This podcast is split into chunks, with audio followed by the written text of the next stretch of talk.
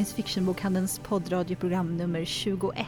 Jag heter Jenny. Och jag heter Gabriella. Dagens tema är snusk och erotik i fantasy och science fiction. Idag har vi bjudit in Karin nerifrån Malmö och eh, Madeleine Bäck, författaren till Vattnet drar, för att diskutera erotik med oss. Vi har också en utlottning av ett ex av Madeleine Bäcks Vattnet drar. Skicka in en kommentar till fragor.sfbok.se eller lämna en kommentar på Facebook så är ni med i utlottningen. Då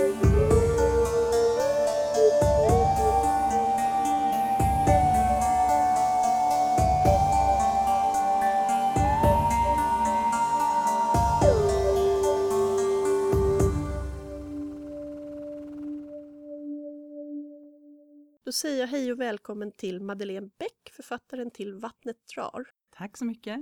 Trevligt att vara här. Vi var väldigt eh, spända på att få läsa din nya serie. Det är många här som är fans av Cirkeln. När vi såg att det var samma redaktör så var det så här, oh, det här blir bra. Ja, precis. Samma förläggare är det. Samma förläggare. Ja, det stämmer. Den har ju vissa likheter men väldigt stora skillnader också. Vill du berätta lite om din Hofors fantasy? en Hofors fantasy är ändå byggd på en verklig bygd. Det är kanske det som skiljer den, en av delarna som skiljer den från cirkeln. Det här är faktiskt platser som finns på riktigt. Det är Gästrikland där jag har vuxit upp och på något sätt försöker jag beskriva det som händer där just nu med urbanisering och vad som händer med landsbygden och bruksorterna när när urbaniseringen sker och när vi flyttar till städerna. Och den här sprickan mellan stad och land. Och sen har jag lagt ett fantasyfilter eller ett övernaturligt filter i det här för att berätta om det och förstärka det. Och eh, för att det är roligt förstås.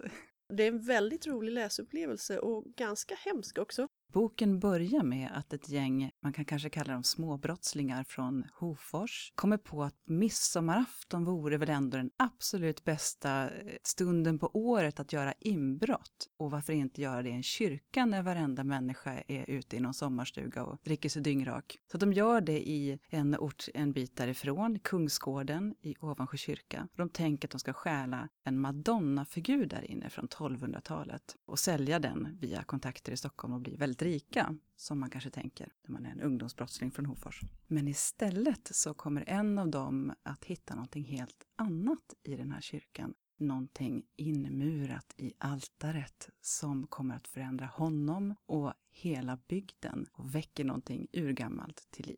Det var väl där, och jag tycker det var riktigt imponerande att redan på första sidorna när jag inte riktigt visste vilka figurerna var eller liksom brydde mig om dem ändå får den här starka nej, nej, nej din idiot. Rör inte det mystiska föremålet som är gömt under altaret eller i altaret. Oh. Har du aldrig öppnat en sagobok förut?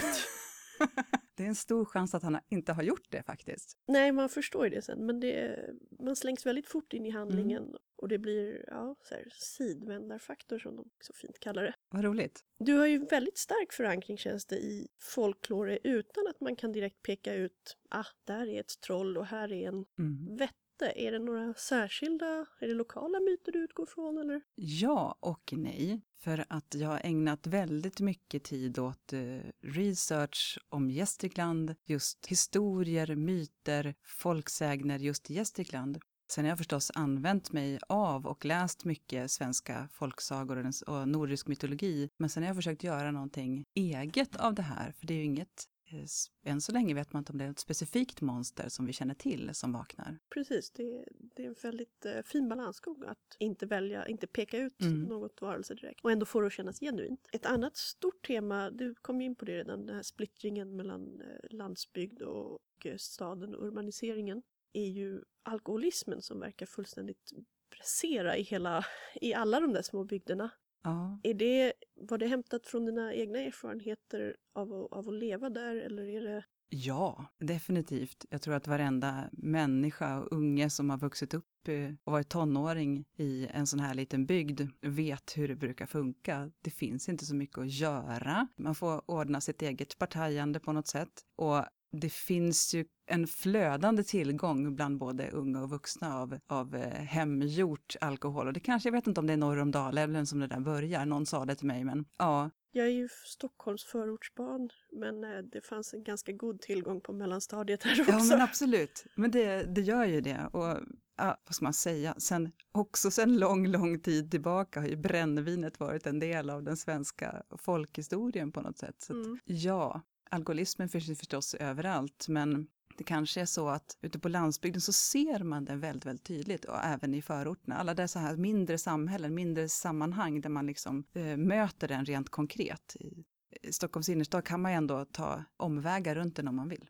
Jag kan rekommendera Vattnet drar första delen i en trilogi, eller hur? Ja. För alla som vill läsa mörk svensk fantasy med alkoholism, riktigt läskiga monster och gammaldags häxerier. När är de nästa böckerna planerade att släppa? Under 2017 Båda två? Ja, så eh, Jorden vaknar som del två heter kommer under våren 2017 och Berget offrar som den sista delen heter kommer under slutet av 2017. Väldigt mörka och stämningsfulla omslag har de, så jag ser Ja, det ja. lovar gott. Jag creddar Håkan Liljemarker där som är en mycket begåvad bokformgivare som har gjort de här omslagen. Fantastiskt fina tycker jag. Då ska vi lyssna på mig och Karin när vi pratar om hennes bok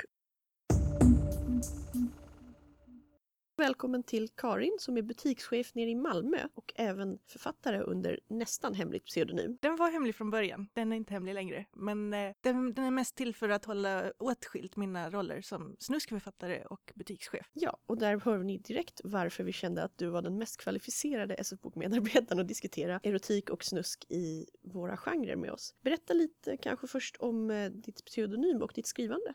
Min pseudonym är Harriet Dumont. Harriet eh, har skrivit The Incorrigible som är en eh, pansexuell polyamorös piratsnusk-fantasy. Men med drakar och eh, magiska förmågor. Som började som att jag ville att eh, det finns en trope inom piratberättelser om den vackra fången i kaptenens hytt som jag gärna ville vända på. Och sen när jag hade skrivit den scenen kom resten ganska naturligt. Vi tänkte då prata lite om några av de eh, mer explicita och bättre, som vi tycker, böcker med inslag av erotik inom våra hyllor. Det finns ju väldigt mycket science fiction och fantasy där sex förekommer, men där det är ganska prosaiskt beskrivet eller ofta, väldigt ofta fade to black. Mm. Om man säger den typiska stjärnkaptenen som lägrar de gröna alienbrudarna, så är det ju mera kvantitet än kvalitet. Ja, precis. Vad roligt att du nämner det, för jag har verkligen precis på tåget upp hit så, så läste jag Stjärnkaptenen och eh, Den silvriga alienbruden. Där det verkligen så, de klipper mellan att hon knackar på dörren och, och efterspelet. Eh, Vilken bok var det? Det är The Long Way to a Small Angry Planet av Ah. Becky Chambers. Den är rolig. det är ju, till skillnad från, i min är det ju sexet som är huvudhandlingen, men det är ju liksom det som för handlingen framåt, det, där, det är det handlingen centrerar Mm. runt. Anne Rice under namnet A.N. Roquelaire skrev ju också en, en sån bok, den erotiska trilogin som du sa var, kommer bli en Jag har kvadrologi för mig nu. att det har kommit en fjärde, eller ska komma en fjärde. För den beauty-trilogin är ju ganska gammal, men det var alldeles, ganska nyligen det kom information om, att, om en fjärde. Den eh, är extremt löst baserad på Sleeping Beauty i och med att hon blir bortförd av prinsen och tagen till ett slott och sen är det en massa smisk och annat sex, men framförallt massa Mm. smisk. Det som kanske gör den lite intressant är att den för oss in på det här temat med erotisk laddning i sagor. Det finns ju ganska många olika varianter av just eh, Törnrosa. Ja, The Bloody Chamber av Angela Carter är en novellsamling som verkligen vänder upp och ner, som tar Rödluvan och vargen till exempel, eller Blåskägg. Det är ju ofta liksom att, att det sägs att folksagor är en, en liknelse för sexuellt uppvaknande eller ja, eh, sexuella förbud också. Men hon gör verkligen erotiska berättelser av det och erotiska berättelser på kvinnornas villkor. Mycket så ta tillbaka makten, mycket bra. Jag vet att Neil Gaiman har nämnt eh, den boken som en stor inspiration för sina mörka sagostämningar och så. Och han eh, har ju också en del, ofta mer subtilt antydd erotik, men den ligger där under många av hans berättelser. Du nämnde några titlar som vi inte har inne men som ändå är värda att prata om. Eh, ja, det finns ett amerikanskt förlag, ett litet små förlag som heter Boldstroke Books eh, som ger ut hbtq, erotik och romans, men det är ju huvudsakligen HB-romans. Men de har en hel underavdelning för eh, fantasy och övernaturligt, eh, mycket urban fantasy. Och till min glädje har jag lyckats hitta en lesbisk piratromans, dock utan fantasyinslag.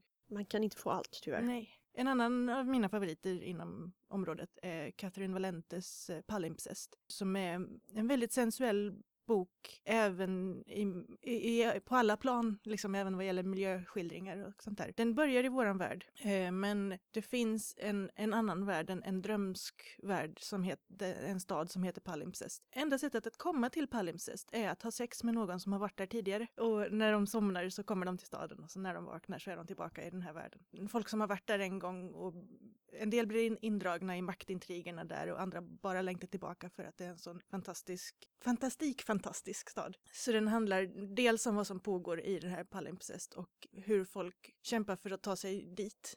Eller kämpar för att liksom komma ur ja, nästan medberoendet. Det låter nästan som en twist på vissa av Lovecrafts historier med Dream Quest och allt det där. Och de är ju alltså extremt avsexualiserade. Jag tror inte, jag skulle inte säga att hans vita problematiska manliga huvudpersoner som sitter med sina boktorn tills de blir galna har kommit som små knoppar från andra böcker. Men det finns ju en viss möjlighet för det är trots allt Lovecraft. Det är i alla fall inte särskilt mycket sexualitet i dem. Jag är ganska glad över att Lovecraft inte har skrivit så många sexscener. Nej, nej, det, det, är bra. Men det är också hela stämningen, är, det, det är inte något man ägnar sig åt. Men eh, drömstäder som drar dit en och lockar och, och, samtidigt skrämmer är ju ett tema han gjorde väldigt bra med. Mm.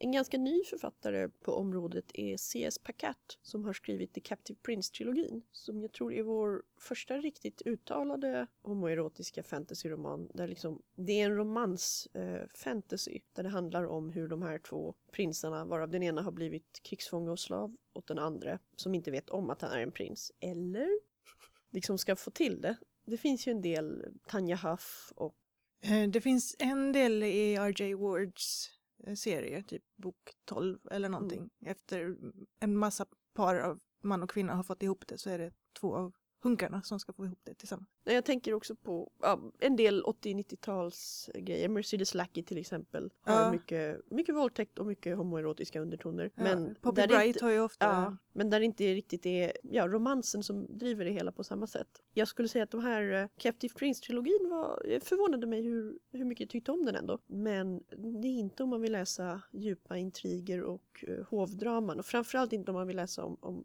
stora slag. För det var ungefär, nu slåss vi två sidor senare, ja det var klart. Vilket kan ju trevligt så här, byta ut klafsandet till eran. Ja. Och den kom ur det som kallas original slash fiction på internet. Alltså först skriven inom fandomkretsar. Sen blev den självpublicerad på Amazon och nu har den kommit ut på riktigt förlag. Jag tror att tredje delen aldrig, aldrig fanns tillgänglig gratis liksom. Och expanderats och redigerats har den varje gång. Just inom HBT hbtq-kretsar så finns det ju väldigt lite representation inom mainstream. Men just fanworks, fanvärlden, fanart och fanfiction, eh, där, får man, där kan man göra det.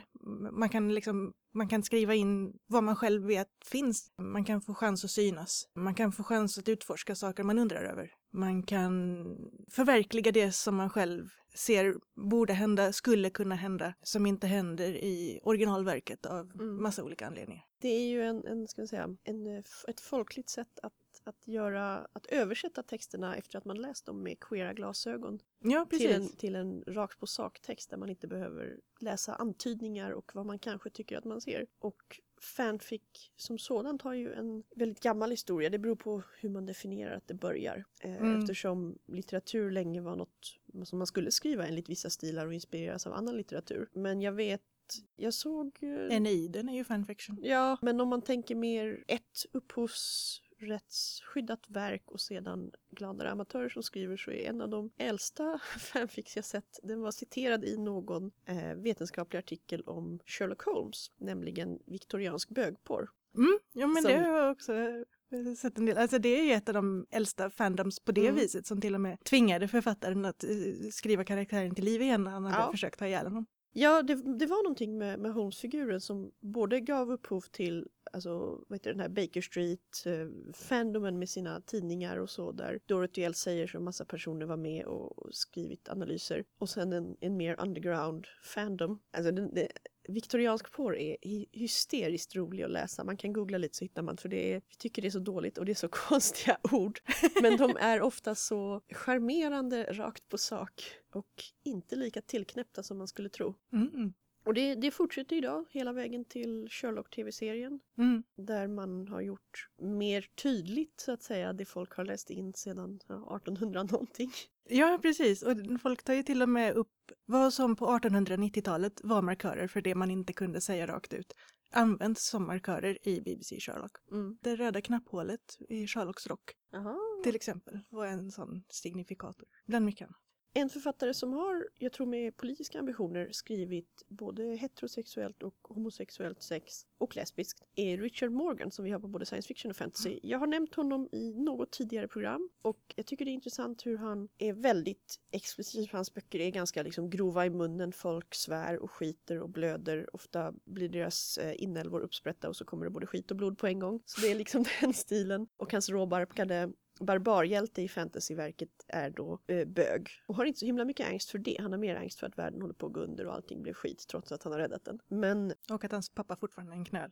ja, han har mycket problem. Men inte så hemskt mycket att han är homosexuell. Nej, han är verkligen inte i, i någon garderob. Och eh, Morgan skriver på i samma stil och kvalitet både i sina Altered Carbon-böcker till exempel som innehåller en del så här riktigt freaky virtuellt cyberpunk-sex. Men eh, han skriver liksom lika explicit i The Steel boken. Men hur man bedömer sex som är homosexuellt eller lesbiskt eller på annat sätt queert jämfört med heterosexuellt sex i ja, böcker som inte står på romanshyllorna är väldigt olika. Det är ofta, mycket oftare ännu mer vagt beskrivet och, och vad som händer och så i, ja, i böcker som bara, bara skulle vara vanlig fantasy, vanlig SF och, och ingen Mm. skulle höja på ögonbrynet om det inte vore weird på något sätt. Och där tycker jag Morgan gör något bra som kör på hela vägen. Om du skulle drömma lite, vad tycker du, hur vore liksom den ultimata blandningen av erotik och science fiction eller fantasy för dig? Oh, det, alltså det beror ju på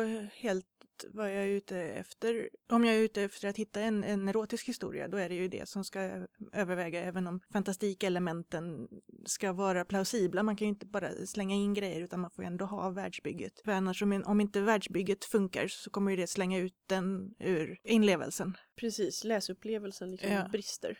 Om jag läser för SF eller fantasyhandlingen så får det ju gärna om handlingen funkar med det, ha med sexscener. Men det är ju, ja men som du säger om Morgan, att om man är explicit när de slåss Ja, så får man vara explicit när de älskar också. Precis. En Eh, annan... Så man liksom håller samma nivå i, i alla fall, för annars bl- blir det ju verkligen det här trofögardinen. Ja, det funkar ju också. Jag känner inte att man måste ha sex i alla. Men Nej det... men då kan man gärna dra för gardinen när de sprätter upp magen på folk Ja. också. Ja, det är sant. Och, och framförallt så tycker jag att det ibland kan vara lite, lite dåligt utnyttjande av sexscenerna som, Mm. som handlingsbärare. Om man säger så här, det är ju en stor och viktig händelse i många personers liv. Det behöver inte vara det. Och då kanske man kan hoppa över en massa slentriansex. Om det är en James Bond-figur som bara Ja, ligger precis. sig fram Det utan ju, att det spelar roll. Precis, det är ju väldigt föga mening att ta med en sexscen om den inte för handlingen framåt. Den, om den inte förändrar någonting för de som deltar. Jag, tror, jag tycker ibland att eh, just fantasy kan vara sämre än till exempel ja, realistiska, mer så här dramaromaner om man tänker så. Mm. På att väva ihop den typen av livshändelser som kulminerar i sex med ett narrativ driv framåt. Men jag tycker att det har blivit bättre också på senare år eftersom genrerna i allmänhet har blivit mycket bättre på att vara karaktärsdrivna och just göra dramabiten lika bra som fantastikbiten. En jag kommer på som har jobbat en del med det där är ju Tanit Lee som skriver oerhört blomstrande språk i de flesta av sina romaner. Men i många bygger upp, alltså där det funkar, och nu talar jag fullt om så purpurblommor som slår ut och brister och, och grejer kan det vara. Men också mycket, hon leker med kroppslighet och, och identitet på ett sätt där sexualiteten är väldigt viktig i, i många böcker. Hon skriver väldigt brett. Mm. Och eh, hela stilen är sån så antingen hatar man det från sidan ett eller så köper man det. Det är lite som Kat Valentes stil skulle jag säga. Ja, Det är liksom, blir en smaksak men du vet vad du får och den funkar hela ja. vägen. de är ju verkligen stilister båda Ja. två och då måste man gilla stilen. Ja, men de är väldigt bra stilister också. De är ju verkligen det. Kan vi förvänta oss något mer från Harriet Dumont då för att Ja. Jag håller faktiskt på och skriver på en sorts uppföljare som dock inte är pirater men är i samma värld fast i en lite senare tid. Men ehm, jag ska nämna det också att om någon blir inspirerad av detta så hoppas jag ju naturligtvis starta en trend av queer pirat snusk fantasy. Jag uppmuntrar fanfiction. Apropå fanfiction. De flesta författare har ju som regel att eh, antingen att de inte vill ha det alls, eller att man får lov att skriva det men man måste, får aldrig visa dem det. Jag vill jättegärna se Piratsnusk fantasy fanfic. Några som har just regeln eh, vi vill, det får finnas men vi vill inte se det. Det är ju Phil och Kaja Foglio som har skrivit Girl Genius. Det är en online-serie som även finns som bokform. Phil Foglio har ju även gjort gamla XXX Xenofile, som till skillnad mot mangan XXX Holic där står de här exen för precis det ni tror. Det är liksom glatt fantasy och tentakelsnusk och, och rätt roligt, lite, lite burleskt och så men kul. Och det finns en stark drag av detta i Girl Genius också trots att den är allåldersserie. Där drar man för gardinen men antyder tillräckligt mycket att alla som är inblandade här de, de kan vara lite kåta och de kan ha sex och det är kul. Och jag tycker det är också en väldigt skön representation av att det finns kvinnlig och manlig sexualitet. Och även om världen inte är så här jättebra, det är en, de galna vetenskapsmännen har, har tagit över Europa och allting är rent vansinne, så kan man i alla fall ha kul i sängen. Och man kan se Phil Foglios illustrationer också vet jag på diverse Munchkin-kort och lite spel här och var och så. Så han och Kaja dyker upp och är dessutom stora steampunknördar. Enormt stora steampunknördar. Så jag, jag har någon dröm om att en dag så kommer ett svenskt steampunkkonvent bjuda in dem så kan jag mm. få alla mina böcker signerade. Mm. Du har ju inte läst så mycket på romanshylla men du har däremot skrivit ganska många blurbar för våra ja, kataloger. Ja. ja, en av mina favorittitlar som jag brukar dra upp när det gäller just, de, de är ju ofta lite så här ordvitsiga. Mm. Och nu på rean så faktiskt reade vi ut en eh, romansk snedstreck snuskbok som heter Hard as a Rock. Men eh, nu ska ni inte tro att det betyder vad ni tror att det betyder för att han är helt enkelt nämligen en gargoyle. Han är en stenväktare. Alltså jag tänker mig skavsår som fan. ja, alltså jag hoppas ju att, att hamnskiftandet går rätt till. Då förväntas ju mer eh, piratsnusk, steampunk, fantasy och sånt i framtiden från Harriet Dumont. Och tack så mycket för att du kom Karin. Det här programmets tema är ju erotik snusk, som ju båda förekommer en hel del i din bok. Varifrån kommer dina första läsupplevelser kan man säga inom den erotiska fantasyn? Inom den erotiska fantasyn? Åh, vilken jätteenkel sak att svara på. Eh, jag tillhör generationen som, eh, som läste Grottbjörnens folk. Ja. Absolut kommer mina första referenser därifrån. Samma här faktiskt, även om jag nog är generationen efter. Men de stod ju ja. kvar på bibliotekshyllor så fint. Ja, precis. Och, och föll upp precis i de, de, de scener som alla ändå bara ville läsa. Med de flödande blomsafterna. Absolut. så det, det, det, stämmer. Så den, den kalla istiden och den heta kärleken, där började det. Ja. Då kan jag nästan gissa att du kanske fortsatte in på Anne Rice böcker. Precis, de har jag läst eh, nästan allihopa tror jag. Det gjorde jag nog under gymnasietiden någonstans. Vampyrs bekännelser och Nattens drottning och precis, alla de.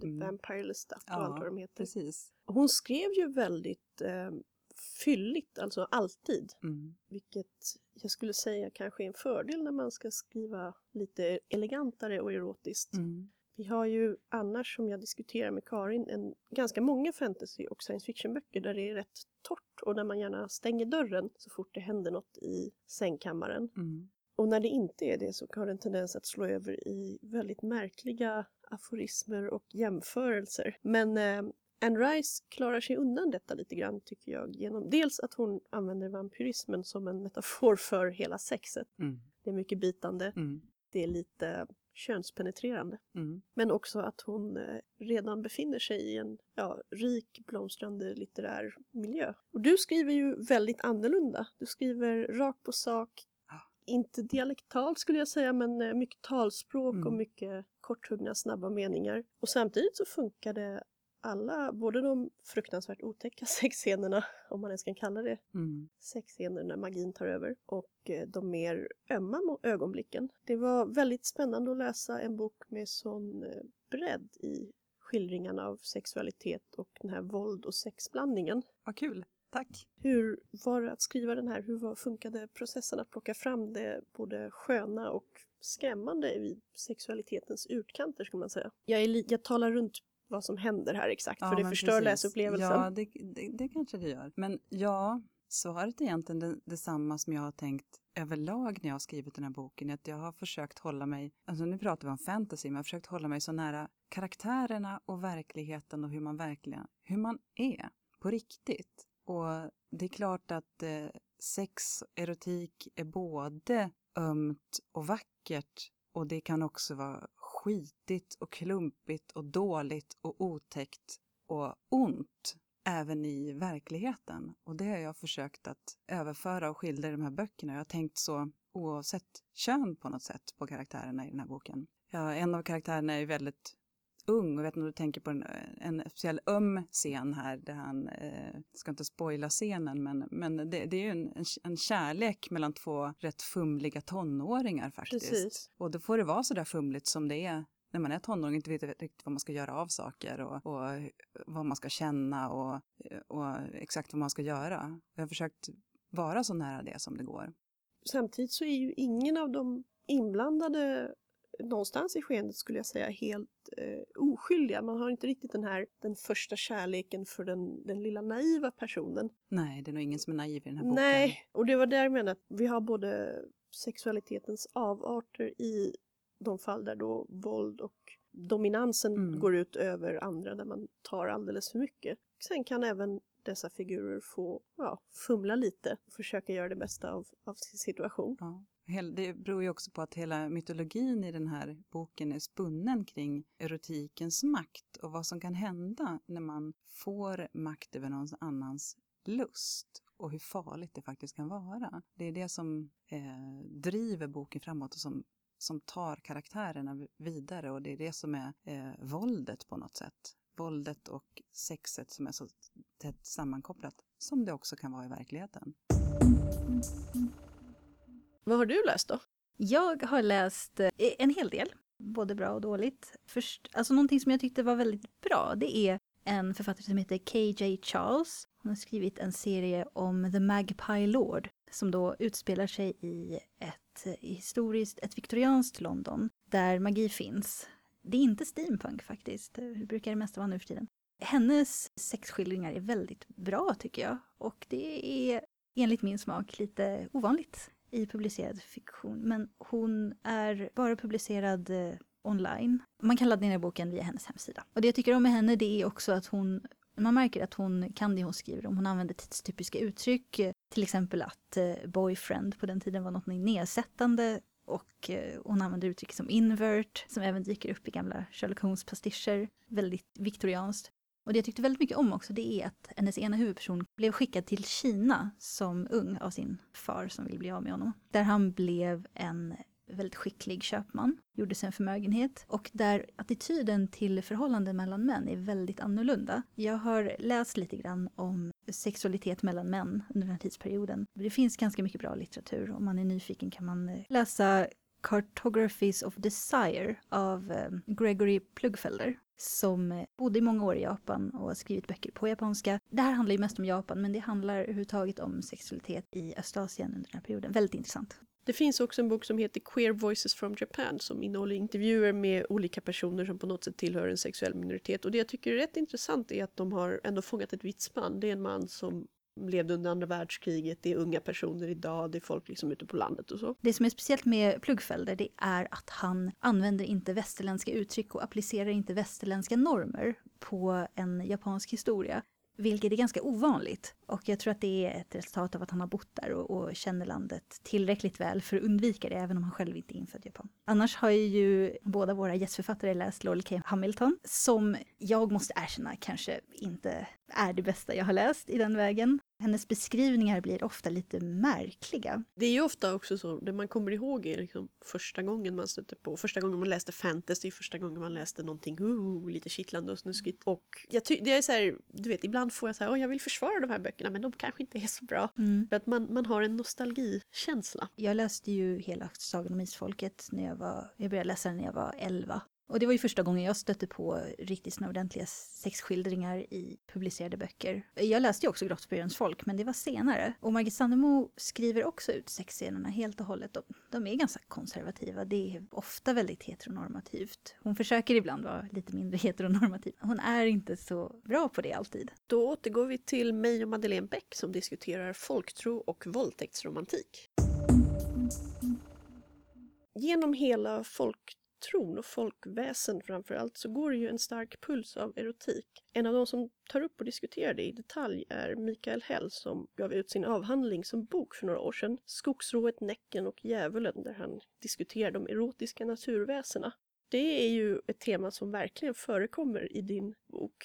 Både det, det djävulska och det förförande. Det stämmer. Först måste jag säga att det där är, Mikael Hells bok är utmärkt och det är ett riktigt boktips eh, som naturligtvis står hemma i min bokhylla. Men ja, om du undrar vilka, eller vilka nordiska folkväsen jag har byggt det här kring, är det så? Om det var någon som inte avslöjar för mycket, men om du hittade några saker, du hade gjort eh, lokal research. Ja. Och ibland så är det ju också ett ganska symboltyngt språk som dessutom förändras över tiden. Vi har ju det urklassiska exemplet kanske med Askungens glassko som enligt då forskning förmodligen var en pälssko och plötsligt blir hela det här med att hitta rätt pälssko åt prinsen, den som passar. Nu när vi pratar om Grottbjörnens folk ja, så undrar jag om hon också har läst den. Ja. Men det är ju oftast eh, Bröderna Grimms sagor och de från det tysk-franska språkområdet vi möter om man inte går in mycket mer på djupet och läser lite obskyrare sagor. Ja, jag har läst en hel del, eh, det finns faktiskt utmärkta böcker om, om spökhistorier i Gästrikland som jag har läst. Ulf Ivar Nilsson har skrivit några sådana, en lokal talang från Gästrikland, som jag har läst. Och sen förstås så finns det nerskrivet, eh, om man letar lite i arkiven, berättelser från lokalbefolkningen om, ja men när man möter, när man möter Näcken, när man möter Vättern, berättar. Och det är inte bara nerskrivet heller, utan det här finns också i den muntliga berättandet. Jag tror att det, ju mer jag har tänkt på det så har jag liksom varit impregnerad med det här under hela min uppväxt, att folk faktiskt pratar om det här som att det finns på riktigt. Det är klart det finns vättar, som bor i någon, under någon sten. Och i Gävletrakten så är det ju rätt spännande, det har till och med lokalpressen skrivit om eh, Skarvberget, ett område där E4 går genom Gävle, där det händer ovanligt många olyckor. Och där man då säger på riktigt, eh, en del som bor där, att det beror på att man har dragit vägen över Vättarnas land. Och det är klart man inte får göra det, för då kan vad som helst hända. Mycket konstiga saker. Och den här alltså, traditionen av att väva in småfolk, väsen och allt möjligt, det finns så i samhället och i berättandetraditionen i Gästrikland och på många andra ställen förstås också. Så att jag har inte riktigt några sådana här, det här ska du läsa, den här boken, utan det är mer att det, det är levande myter. Sen förstås så har eh, jag läst mycket om Näcken, Maran, sådana erotiska varelser som Succubus, Incubus-myterna över, överlag. Varelser som lever av erotik och använder erotiken som ett maktmedel. Det finns ju många eh, versioner i olika länder. Det precis, man känner igen eh, många trådar. Jag är inte uppvuxen med samma folklore omkring mig levande, mm. men eh, om man är nyfiken så har Ulf Palmenfelt gett ut ett antal böcker, bland annat Svenska folksägen, som mm. är kul att börja titta på om man vill ha en snabb översikt. Om man ska ge fler referenser också då, eh, inte bara kring svensk folklore, så har jag just kring det här att studera succubus, incubus, där är ju vampyrismen och vampyrmyterna kring det en jätteviktig del. Och som, jag älskar ju vampyrerotika till exempel från, från eh, amerikanska södern. An, böckerna om Anita Blake till exempel. Fantastisk inspirationskälla. Ja, vi har ju henne på Urban Fantasy ja. äh, här. Det, det, blir ju lite svårt för Urban Fantasy har ju blivit eh, samlingsnamnet för fantasy i modern tid, i mm. vad som nästan är vår, vår, värld. Men den är ju inte alltid så urban. Det är mycket även eh, True Blood som är en annan med mycket erotik och ja. tv-serien också. De har också läst Suki Stackhouse ja, novels. De, de utspelar sig ju inte i liksom storstäderna, det är Nej. hela grejen. Och de är nästan i samma områden de här två bokserierna också. De eh, skulle ju kunna stöta på varandra de här karaktärerna och deras olika vampyrklaner. Ja, det skulle inte gå så bra tror jag. Men eh, Southern Gothic är ju en mm. stor och lång tradition mm. i amerikansk litteratur. Mm. Och nu är det dags att introducera Swedish Country Noir eller Swedish Country Gothic eller någonting sånt där. Precis, som inte längre bara kan handla om eh, ledsna detektiver ute i Ystad. Precis. Jag har faktiskt sett eh, just Wallander beskrivas som Country Noir from Sweden men ehm, det är en annan, annan typ. Svensk bruksskräck brukar jag säga att det här är när de frågar mig. Ja. Vad är det för någonting? Svensk bruksskräck. Väldigt bra beskrivning faktiskt. Eh, Anders Fager vet jag har också hållit på lite i det området. Hans samlade svenska kulter har ju en novellsamling som utspelas på flera platser. Men det finns, det finns en fin spänning där mellan skräck och erotik som jag tror Mm. vampyrerna är de som förkroppsligar kanske Mm. bäst. Utom de rena då sexdemonerna. Vad det beror på, det kan man ju spekulera kring, men en, en, eh, idag förstås att det alltid är intressant med sexualitet och skräck och erotik. Eh, sammanblandningen, den här spänningen, det är fortfarande intressant och för evigt intressant antagligen. Men sen har det naturligtvis att göra med längre tillbaka att det var på riktigt farligt med Mm. sex. För att om man blev gravid som kvinna så förstörde det hela hennes liv. Jag som man också förstås, men framförallt för kvinnorna faktiskt, att det var farligt. Och det är såklart därför som vi har de här myterna kring Näcken och Maran och som avskräckande. Att den eh, erotiken och att, leva ut sin lust, det är faktiskt farligt på riktigt. Då kommer demonen att ta dig. Och samtidigt så är det ju, vi är ju funtade så väldigt många människor i alla fall, att allt som är lite tabu och lite förbjudet och farligt blir ju mer och mer spännande. Mm. Det, det är en eh, lång och komplex diskussion det här med romantiseringen av våldtäkt i diverse fiktion. Mm. Men jag tror att en stor del av det är ju just att man, man ser det farliga, de här gamla klassiska body stripper-romanerna, Ja, och man gör det till en, en fantasi och något åtråvärt. Kanske både för att hantera rädslan för det, att det ska ske, men också för att man får ju inte om man vill. Det förbjudna smakar bäst. Mm. Jag tror att den kanske största Fantasy-titeln med erotisk anknytning just nu är Game of Thrones, framförallt i sin tv-serieform. George Martin har ju en hel del sex och politik och politik och sex och våldtäkt redan i sina böcker, men HBO tog det till nya betuttade höjder. Det var rätt uttryck, håller jag med om. Eh, rent eh, allmänt så tycker jag att, att det är en eh, fantastisk serie och jag älskar Game of Thrones, jag har tittat på allting sedan starten. Däremot så börjar lära mig hur HBO funkar nu och det är ju, man ska ju visa så mycket avklädda kvinnor som möjligt. Och det är kanske det som är min, egentligen, inte så mycket George Martin, vad han har gjort, utan mer vad HBO har gjort med det här med att man insisterar på att det är en viss, det är så tydligt att det är en viss typ av kvinna som får vara med och får vara naken i Game of Thrones tv-serien, där alla ser faktiskt ut som de är klonade, så det kanske är fantasy sig det med.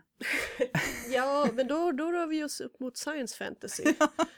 Vad heter det? Äkta människor. Ja, men precis. Ja, nej men förstås. Den är ju den är oerhört spännande och det, det är ju väldigt, väldigt rått det våldet också. Mm. Så det vi kanske har den här skitigheten gemensamt, möjligtvis då. Det är ju ganska vanligt annars när man gör film och tv-serier att man tonar ner våld.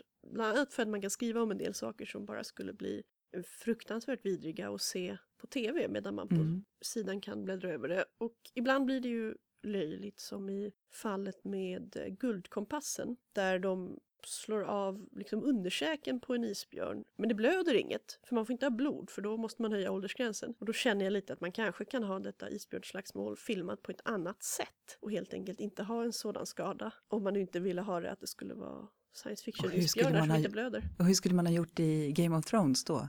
Ja, det skulle väl ha rusat ut blod över alla i en stor dramatisk våg. Som, Ja, möjligtvis. ja, nu har de ju inga isbjörnar som slåss, Mm. men eh, jag tänker mig något estetiskt som droppar ner över skärmen på något sätt. Fast det kanske blir mer Mm. Hannibal-stuket. Om man ska säga någonting mer om Game of Thrones så kan jag inte komma på någon scen där det faktiskt är en man som utsätts för sexuellt våld. Nej, det där är väldigt vanligt. Eh, och inte bara sexuellt våld. De har ju tonat ner den ändå relativt explicita eh, sexscenen mellan eh, Blomsterriddaren och hans partner till, ja, man vet vad som händer men det Mm. behöver inte ha samma kärleksfulla kamerablick. Det finns ju förstås homosexualitet med i Game of Thrones, det gör det. Flera scener eh, och det finns ju incest med också. Men det finns ju inte riktigt eh, våldtäkter av män. Nej. Det gör det inte, men det känns som att nästan varenda kvinna i Game of Thrones blir ju våldtagen. Och, och ibland, jag, jag tyckte de gick för långt med Sansa Stark till exempel. Det, det kändes, eh, jag vet inte, det, det gjorde lite ont i mig. Men det, det är historien. Fast även där, det, det är historien och det är de ändringar man väljer att göra. Och Mm. Man måste ju alltid ändra saker när man tar upp det till film. Men jag tycker Absolut. man kan ifrågasätta de val som görs, de ändringar som sker. Ja, det var kanske en ändring som jag kände mig lite obekväm med, just Mm. den bröllopsvåldtäktsscenen. Eh, jo, jag tyckte också ganska tidigt att det här var väl lite hårt. Även om jag måste säga den, den tv-serie jag direkt fick lägga av med eh, var Black Sail som är en piratserie som jag började se för att den har Long John Silver med innan då Skattkammaren. Mm. Där jag tror att i de fyra första avsnitten så är det våldtäkt eller hot om våldtäkt mot båda kvinnliga figurer i varje avsnitt, ibland flera gånger i ett. Mysigt. Ja, alla säger att den blir bättre men eh, du vet, det finns ögonblick när man bara nej, det var kul det men mer. inte mer. Mm. Nej men så är det väl och, och ibland funderar jag på vad man riktar sig till för publik då som tv-seriemakare för att någonstans blir jag lite trött på att det enda våld man kan utsättas för som kvinna är våldtäkt. Att det är det som är det mest kränkande och det är det som fokus handlar om hela tiden. Det låter ju jobbigt att säga att man blir trött på våldtäkter men jag börjar känna mig lite trött på våldtäkter i tv-serier faktiskt. Ja, men det här är ju ett ämne som har diskuterats rätt mycket också och det finns väldigt många olika åsikter. Men för mig personligen är det inte att jag är trött på våldtäkt totalt och aldrig behöver se det igen. Utan snarare att jag är trött på den enformiga eh, framställningen av våldtäkt. Att det ska vara hemskaste hemska som kan hända en kvinna. Men det ska samtidigt filmas som något ganska sexigt. Mm. Och utan att att det händer då med män utan att de ens har den här att tappa kontrollen eh, och, och att få sin sexualitet angripen. Heteroslentrian porrvåldtäkten. Precis, den är jag himla trött på. Samtidigt, det förekommer kanske inte så mycket i Game of Thrones men eh, väldigt vanligt i många serier, seriealbum av alla de slag, så är det hemskaste som kan hända en man är att man dödar hans kvinna. Mm. Mm, vilket en eh, amerikansk serietecknare för många år sedan kallade Women in Refrigerators efter en extremt brutal scen där en eh, superhjälte fick en tjej. Och sedan blev hon dödad ganska kort efteråt och styckad och stoppad i hans frys. Bara för att det finns ju inget värre som kan hända honom. Man Mm. bara, men, men hon då? Hallå? Ja, det, det är ju någon slags hederskultur på något Mm. sätt även det här. Att det är tröttsamma att man utgår från att kvinnor är mäns ägodelar och att skada någons ägodelar är faktiskt det värsta man kan göra. Precis, och att kvinnans egen, ja, eget värde förstörs av att då hon inte är sexuellt ren eller något sånt. Mm. Och det är väl kombinationen där som blir väldigt tjatig tyvärr. Mm. Ja, då pratar vi inte om den erotiken i fantastiken som är upphetsande längre utan då pratar vi om erotiken som är tröttsam. Ja, jag tycker eh, det finns en författare som heter Jacqueline Carey som har skrivit Kushiel-serien. Tre trilogier om ganska mastiga böcker med väldigt eh, unikt världsbyggande. Det är en värld med någon slags fri kärleks hippie-Jesus lite Mm. som drog sig Mm. genom världen med sina Mm. änglar. Du har också läst den?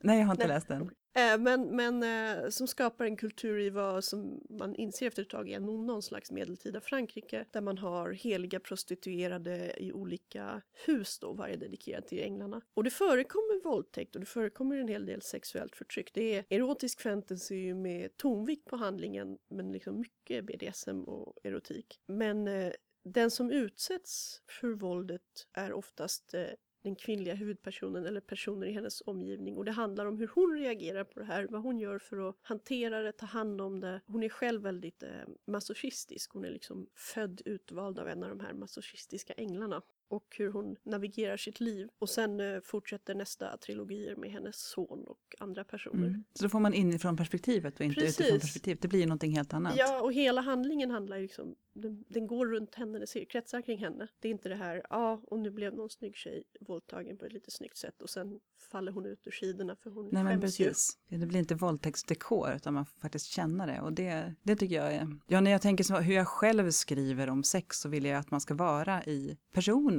Mm. som antingen, alltså personerna som upplever det vill ju beskriva hur det känns i kroppen. Vill beskriva hur det känns i kroppen oavsett om det är bra eller dåligt. Och, och jag tycker att när jag läser själv så är det också det jag vill läsa på något sätt. Inte bara att titta utifrån som en kamera utan att man vill faktiskt in i de här personerna och veta hur, hur var det här då? Det stämmer nog väldigt bra och kanske en av problemen i många sexskildringar i litteratur. För det är ju lätt att man läser något och man bara, du är en ganska bra författare men här gick någonting lite snett. Och samtidigt så kan jag ju mycket väl föreställa mig att det är, det är väldigt utlämnande att skriva om sexuella skildringar och kanske framförallt med genrelitteratur, sånt som inte anses vara så fint eller som inte ansetts vara så fint, så finns det ju en stark tendens att dra slutsats av hur författaren är efter vad som är skrivet tycker jag mig ha sett när man läser diskussioner och så och folk är så här, ah den här personen måste gilla det här och man bara, men det man skriver behöver ju, dels kan det vara en metafor, dels kan det vara bara för att man gillar att läsa och skriva om någonting. Trots detta så skulle jag som har läst väldigt mycket böcker och väldigt mycket kackiga sexskildringar, Mm. framförallt i fanfiction när jag var yngre, erkänna att eh, man ska nog vara lite försiktig med bildspråket när man skriver om sex och erotik om man inte vill att folk ska börja undra. Men vad är det egentligen ni har för bitar där nere? Ja. ja, de kommer in på metaforer, precis. Ja, överlag så är det ju väldigt knivigt, tycker jag, personligen alltså, att läsa sexskildringar som är späckade med metaforer. Det finns ju till och med en Bad Sex Award som delas ut varje år och det brukar ju gå till någon som har riktigt smyckat ut språket med ordentligt med, med liknelser och metaforer av olika slag. Sen beror det ju förstås på vad man skriver för typ av historia och vad man, vad man vill ligga där någonstans. Oj, vad freudianskt det blev. Vad man vill ligga nära för slags skildring i historien. När jag har skrivit eh, de erotiska scenerna i Vattnet drar så är ju hela boken byggd väldigt, väldigt talspråkligt och verklighetsnära. Så att då är det logiskt på något sätt att både våldet och sexet måste, måste ligga väldigt verklighetsnära. Och då kan jag inte plötsligt dra in med, inte vet jag, beskriva könet som en blomma eller eh, vad det nu kan vara för någonting. Så det blir, det blir jättekonstigt och, och löjeväckande. Och samtidigt så, vad fasen, gå så nära som det går även där. På något sätt tycker jag att det är alla författares skyldighet mot sin läsare att vara ärlig mot historien och inte backa och banga ur bara för att det känns jobbigt. Och det är samma sak när man skriver sex och erotik, som när man skriver om våld, så man skriver vad som helst annars. Att man får ju göra research, man får prata med människor. Om man ska skriva en bok om tantrasex, det är inte säkert man behöver ha tantrasex själv, men man kanske borde prata med några människor som gör det i alla fall. Det är precis som om man ska skriva om svenska kyrkor och mytologi i svenska kyrkor. Då måste man såklart prata med människor som kan någonting om det här. Och, och svårare än så behöver det inte vara faktiskt. Nej, och det är, ju, det är ju verkligen inte så att alla böcker måste inkludera sex. Men det tycker jag också är ett stort problem. Att ofta så folk velar lite, som du sa, de vågar inte vara ärliga mot, mot sina rollfigurer. Men de har kanske med en, en obligatorisk, den typiska sexscenen på slutet av en berättelse för att visa att nu är vi minsann förenade i tvåsamhet. Kan vara rätt tråkig. Och vi har ju en hel del eh, intressanta, vi har en liten romanceavdelning med mycket varulvar och sjöjungfrur och så. Där en del saker när man slår upp en sida och tittar på vad man hittar kan vara hysteriskt roliga. Även om min personliga Bad Sex Award nog går till en bok som vi inte längre har. Den som innehåller den odödliga raden Understand, Women do not revere the venom cock as men do. Vilket var en romancebok som hette Touched by Venom av Janine Cross. Och tydligen innehåller många scener som är liknande detta i fantastisk prosa Ja. och en hel del otroligt lökiga sexskildringar. Jag har också en, en Mm. fantastisk Bad Sex Award som jag gärna skulle dela ut. Det är kanske den mest kända fantastikskildringen av alla, nämligen Bibeln. Höga visan, som jag aldrig har förstått mig på, de som tycker att det är fantastiskt med dina bröst som svalor som häckar och så vidare. Ja, och Min som jätter som springer Ja, ner absolut. Så min Bad Sex Award går till Höga visan, fantastikens fantastik. siktar högt. Nej, men ehm, ärlighet mot, mot sina figurer och i, helt enkelt ha modet att beskriva vad som händer och vad som görs rakt ut istället för att prata om blommor, bin, getter, eh, bristande druvor och sånt där. Det är väl kanske där vi kommer fram till att hur man ska skriva sex. Ja, jag tror det. Jag kan inte ge några råd om hur man ska skriva sex, men jag kan ge alltså, ett, ett gott råd överlag. Man ska skriva någonting överhuvudtaget. Det är att försöka suggerera sig in i karaktären och tänka hur känns det här i min kropp? Och det, eh, om man kan göra det så tror jag att man blir en mycket bättre författare. Jag tror att det blir en bra punkt att sluta där. Tack så jättemycket för intervjun. Tack så mycket. Det är intressant det ni säger om eh, folktro och hämta inspiration ifrån det. Det är så många väsen i folktron som är samlingsnamn. Folk börjar glömma det kanske lite grann, men troll till exempel, det kan vara ganska många olika saker. Och eh, de underjordiska, till och med olika former utav vattendragsväsen finns det ju. Ja, och det är intressant att se vilka som plockas upp i fantastiken i modern litteratur och vilka som också låses fast lite av sina film och bokversioner. Ja, någonting som eh, Margit Sandemo i Sagan om Isfolket faktiskt gjorde bra, det var att hon tog upp väldigt många olika typer av folktroväsen, väldigt mycket olika typer av skräckberättelser också faktiskt. Det är ju 47 böcker, det är jättemånga. Men hon använder, i en av böckerna som heter Korpens vingar, så använder hon faktiskt en japansk spökhistoria där en kvinna suger livet ur män genom att strypa dem med sitt långa svarta hår efter en natt tillsammans. Och eh, ja, Sandemo har ju sina sexbeskrivningar kvar och det är en väldigt erotiskt laddad skräckhistoria.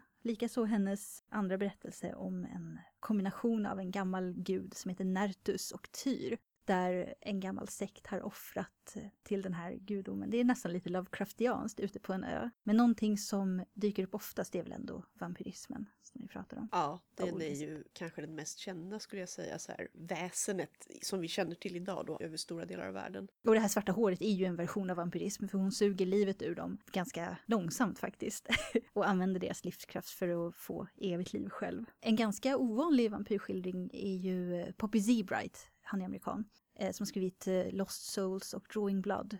Den första Lost Souls handlar om ett gäng vampyrer. Och det är inte bara en sorts vampyrer, utan i hans mytologi så finns det olika typer av vampyrer. Några suger blod, några behöver inte suga blod, men de gör det för att de tycker om det. Några suger livskraft, andra suger smärta eller skönhet. Det var intressant att ha alla dessa olika tolkningar i samma verk. Jag läste nyligen Octavia Butlers Fledgling som ju också innehåller vampyrer fast de kallar sig Ina där. Och den var ganska märklig. Det innehöll dels en del sex som var så här, skulle ju ha varit pedofilt om då inte den som såg ut som en tioåring var en vampyr. Men eh, den beskriver i en väldigt torr, distanserad röst så även om ganska stora delar är obehagliga, det som händer är människorna flockas runt de här vampyrerna och lever i en slags, ja de kallar det symbios där i boken, men med tanke på att vampyrerna kan förvrida människor som vad jag förstod inte visar sådana tendenser innan till att bli kära, sexuellt intresserade av denna lilla blodsugande som ser ut att vara en tioåring, så är det ju något alldeles fruktansvärt som görs med deras sinnen. Men eh, berättarperspektivet är denna vampyrs och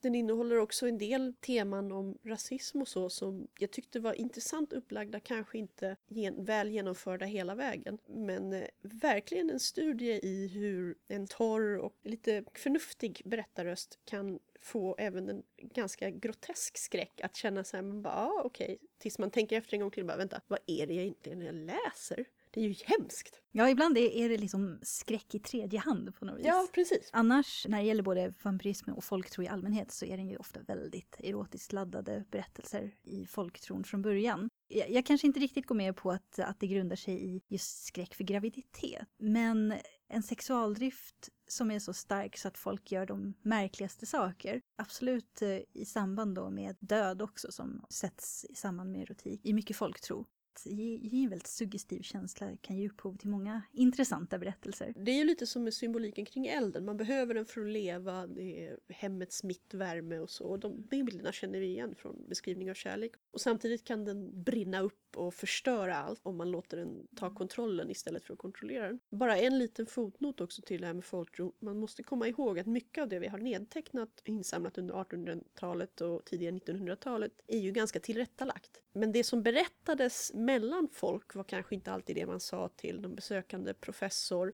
eller som vad en besökande professor tyckte var värt att skriva ner. Ja, det är ju bara att titta på Snorres Edda. Ytligt sett är det så här, ja men det här är väl äkta berättelser från vikingatiden. Fast det skrevs av en väldigt religiös person ungefär 300 år efter att Island kristnades. Har man det perspektivet så får man en lite tydligare bild av att ja, han kanske inte tog med riktigt allt som fanns. Men på det sättet märker man ju hur eh, vampyren och zombiens och så utveckling i våra böcker på många sätt matchar folkväsendet. Olika personer kan hänga på de symboler de vill ha på dem.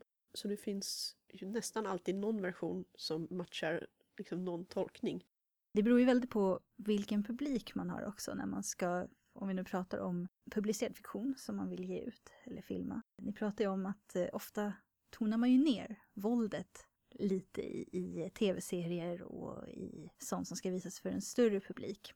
Jag tycker Hannibal är ett väldigt roligt exempel på det. Där har man kanske inte tonat ner våldet så mycket som att oj, vi visar en, en lite för mycket av en rumpa. Vi lägger på lite mer köttslamsor, då går det förbi censuren. Den gick ju på en vanlig kabelkanal. HBO har ju lite större friheter. Men de tar sig också lite större friheter med källmaterialet ibland. Det kan vara rätt bisarrt när man tänker på hur mycket våld som får visas här innan klockan nio eller tio. Det är det här de kallar watershed i många engelska och amerikanska länder. Det blir ju viktigt för oss eftersom så stor del av vår mediaimport kommer från de länderna. Ja visst, jag tycker att även där är det, om man jämför Hannibal med en del av de här, tänker kanske framförallt nu på Criminal Minds, så är det en markant skillnad på hur kvinnor som håller på att bli mördade framställs. En berömvärd brist på kvinnor som åmar sig sexigt medan de håller på att bli knivhuggna i Hannibal. I Criminal Minds mot slutet så var jag ibland lite osäker på om det var en våldsscen eller en sexscen som vi blev visade. Och det där är ju mycket lättare att visa. Sexualiserat våld mot kvinnor men en sexualitet som kvinnor har kontroll över, det är desto mer sällsynt. Ni nämner ju också våldtäkten på Sansa Stark i Game of Thrones-serien. Det är ju inte heller någonting som händer i böckerna. Det händer, men det händer inte henne. Många blev väldigt upprörda över den förändringen. Jag tyckte att Criminal Minds hade en väldigt bra, välgjord berättelse om en av huvudpersonerna, Derek Morgan, som eh, var tvungen att ta itu med en våldtäkt i sitt förflutna under några avsnitt. Men det är också typiskt att eh, det skedde när han var barn. För att mäns sexualitet, det är som du och Madeleine säger, mäns sexualitet får aldrig riktigt försvinna ur deras kontroll i masskommersiell media. Det finns ju en del undantag där, tv-serien Oz och så, men en av anledningarna till att man ofta pratar om sådana här tv-serier länge är ju för att de är så försvinnande få. Mm. Den nya serien baserad på några äldre böcker Outlander av eh, Diana Gabaldon har ju väldigt sexualiserat våld mot män.